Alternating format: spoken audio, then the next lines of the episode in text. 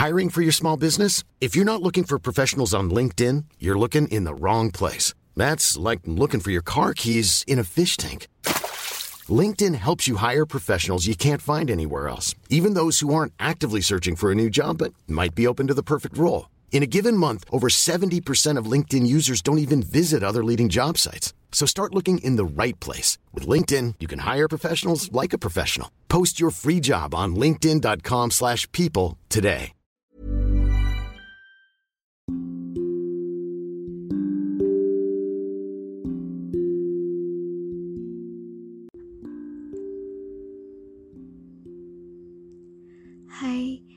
Kasih sudah mengunjungi dan hendak mendengarkan podcast Dongeng Tidur.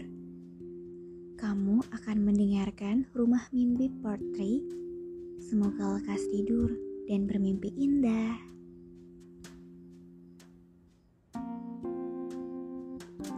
John Seagraff diajak makan malam oleh Macy Waterman, putri atasan tempat ia bekerja sebagai juru tulis.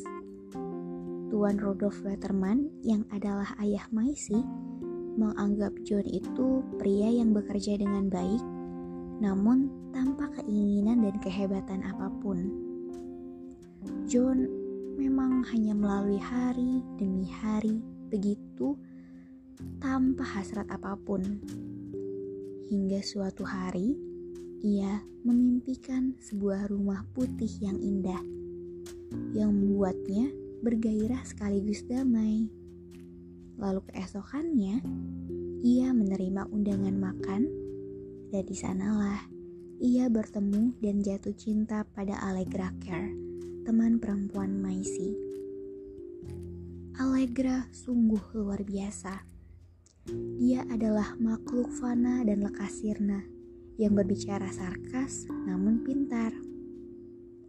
Akhirnya, John mendapat kesempatan untuk berbicara dengan Allegra.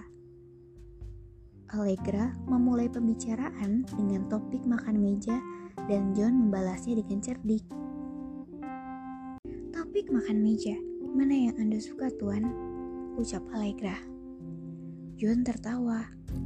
Jika kita sama-sama menyukai anjing dan tidak menyukai kucing berpasir, itu akan membentuk apa yang disebut ikatan di antara kita, bukan? Allegra membalas sarkas.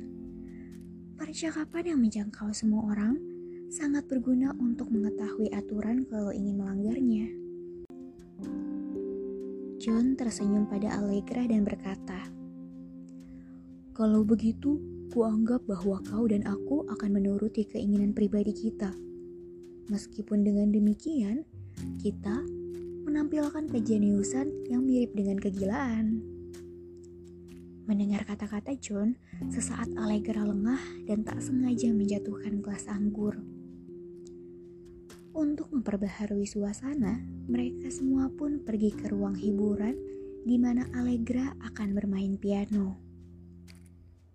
Tuan Rudolf Waterman menyukai gravitasi yang berat dari anggur yang beredar dan cerutu tangan. Diam-diam, ia merasa Maisi terlalu buruk dengan pilihannya. Bukannya orang itu tampan yang benar-benar tampan dan tentu saja dia tidak lucu. Ia senang ketika Maisi meminta Allegra bermain piano, sehingga mereka bisa melewati malam ini lebih cepat. Si idiot muda itu bahkan tidak bermain bridge. Allegra memainkan musik dengan bagus meski tanpa sentuhan profesional. Ia memainkan musik modern, Debussy dan Strauss, Scriabian kecil. Kemudian, ia masuk ke gerakan pertama pada Quick Beethoven. Ekspresi kesedihan yang tak terbatas, kesedihan yang tak berujung dan luas sepanjang zaman. Dari mana? Dari ujung ke ujung menghembuskan semangat yang tidak akan menerima kekalahan dalam keseriusan untuk kesengsaraan abadi, Allegra bergerak dengan ritme seolah sang penakluk menuju kehancuran terakhirnya. Menjelang akhir permainan, Allegra lengah. Jari-jarinya terpelintir yang membuatnya tiba-tiba berhenti. Ia pun memandang Maisi dan tertawa mengejek dirinya. Kau lihat kan, mereka bahkan tidak mengizinkanku untuk ini.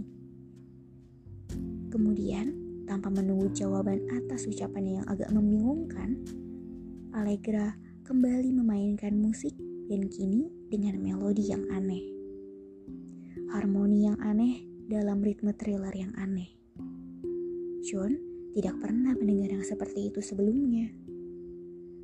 Melodinya halus seperti burung yang sedang terbang, tenang, melayang, dan tiba-tiba tanpa peringatan sedikit pun, itu berubah menjadi dentingan nada yang sumbang. Setelah itu, Allegra bangkit berdiri sambil tertawa dari piano. Meski begitu, John merasa Allegra tampak terganggu dan ketakutan. Allegra pun kembali ke tempat duduk. John mendengar Maisi berbicara padanya dengan suara rendah. Allegra, kau tidak seharusnya melakukan itu. Kamu benar-benar tidak bisa melakukan itu. Apa itu yang terakhir? John bertanya dengan tidak sabar. Allegra membalasnya dengan tajam dan singkat. Sesuatu yang adalah milikku. Tuan Weterman pun segera mengganti topik. Sepulangnya dari makan malam itu, John kembali memimpikan rumah impian itu. John tidak bahagia. Hidupnya menjengkelkan. Dan ia telah menerimanya dengan sabar hingga saat ini. Sebuah kebutuhan yang tidak menyenangkan, tetapi sesuatu yang membuat kebebasan batinnya pada dasarnya tidak tersentuh. Namun sekarang, semua telah berubah. Dunia luar dan batin berbaur.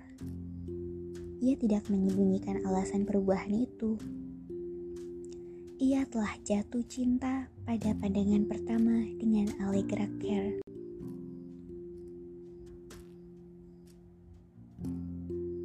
Sekarang, apa yang akan dia lakukan?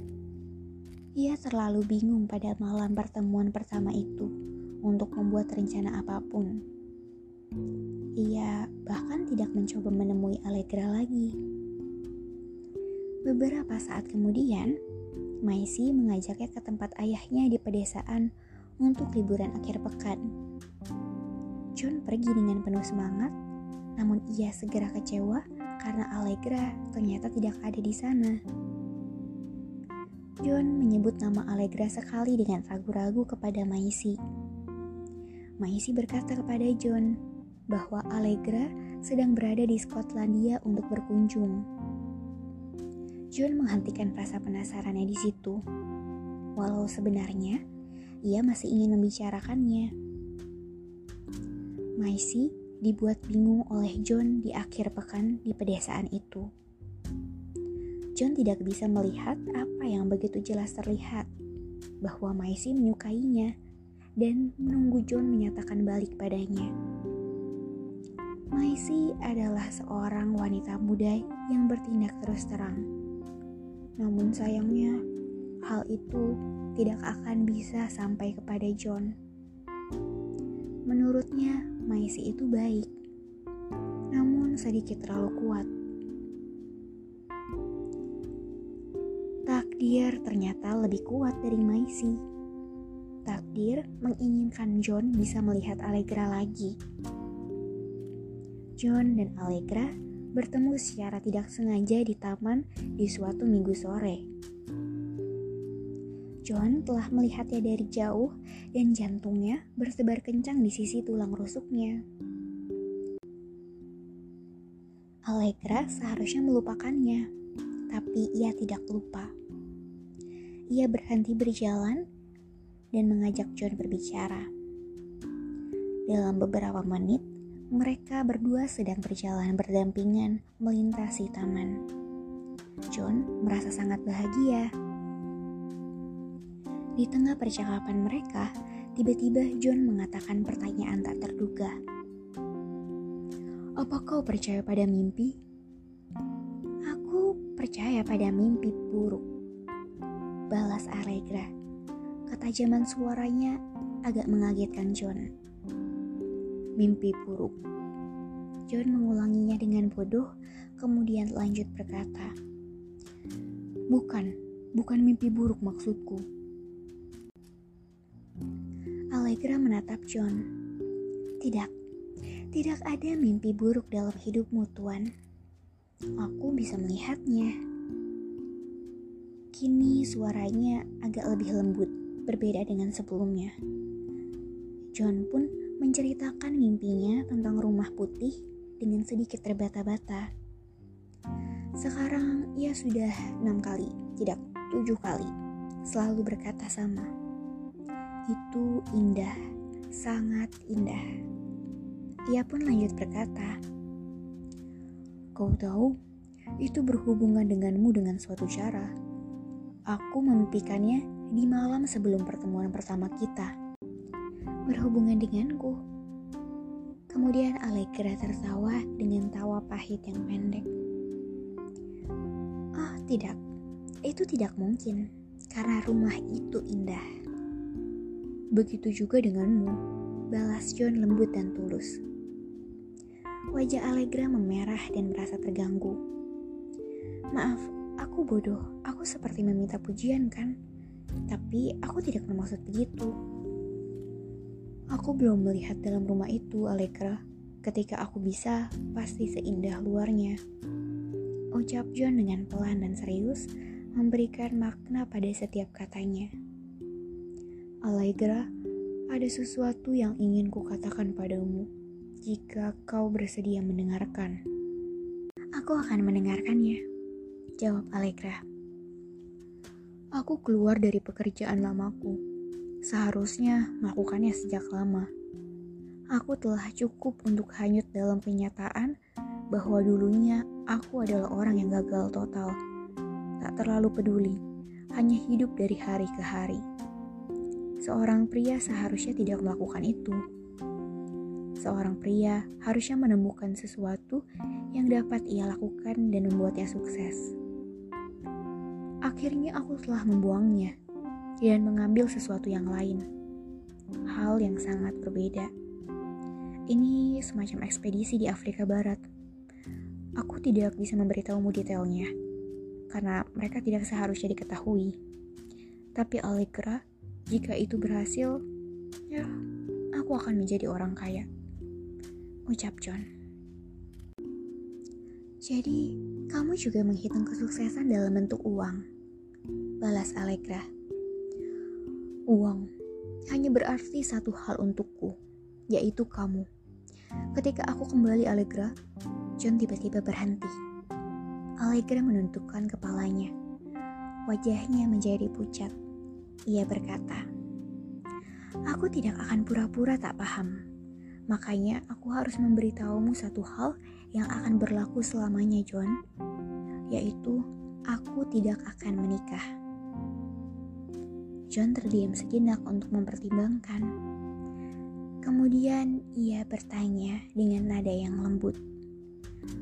Boleh aku tahu kenapa? Aku bisa memberitahumu tapi aku tidak ingin. Balas Allegra. Kemudian John terdiam sejenak. Tiba-tiba menatap lurus dan senyum yang sangat menarik menerangi wajah Faunnya. Ia berkata, Baiklah, jadi kamu tidak mempersilahkanku masuk ke dalam rumah, bahkan tidak bisa mengintip sedikit. Kebutaan akan tetap berlangsung, Allegra berdiri di hadapan John dan menaruh tangannya di wajah John sambil berkata, Aku hanya akan memberitahumu ini, John. Mimpimu adalah rumahmu, tapi aku tidak bermimpi. Mimpiku adalah mimpi buruk. Setelah mengatakannya, Allegra pergi meninggalkan John. Malam itu, sekali lagi, John bermimpi. Akhir-akhir ini ia menyadari bahwa rumah itu sudah pasti dihuni. Kemudian ia melihat sebuah tangan menarik tirai. Melihat sekilas sosok-sosok bergerak di dalamnya. Malam ini, rumah itu tampak lebih terang dari sebelumnya. Dinding putihnya bersinar di bawah sinar matahari. Kedamaian dan keindahannya lengkap. Dan tiba-tiba, ia menjadi sadar akan riak gelombang kegembiraan yang lebih besar. Seseorang datang ke jendela. Ia tahu itu. Sebuah tangan, tangan yang sama yang pernah ia lihat sebelumnya, memegang orang buta itu, menariknya kembali. Sebentar lagi, ia akan bisa melihat ke dalamnya. Lalu John terbangun dengan rasa horor.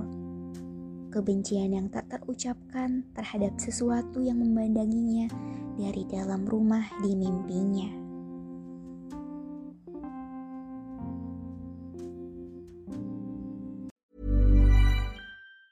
Planning for your next trip? Elevate your travel style with Quince. Quince has all the jet setting essentials you'll want for your next getaway, like European linen premium luggage options, buttery soft Italian leather bags, and so much more. And is all priced at 50 to 80% less than similar brands. Plus, Quince only works with factories that use safe and ethical manufacturing practices. Pack your bags with high-quality essentials you'll be wearing for vacations to come with Quince. Go to quince.com/pack for free shipping and 365-day returns.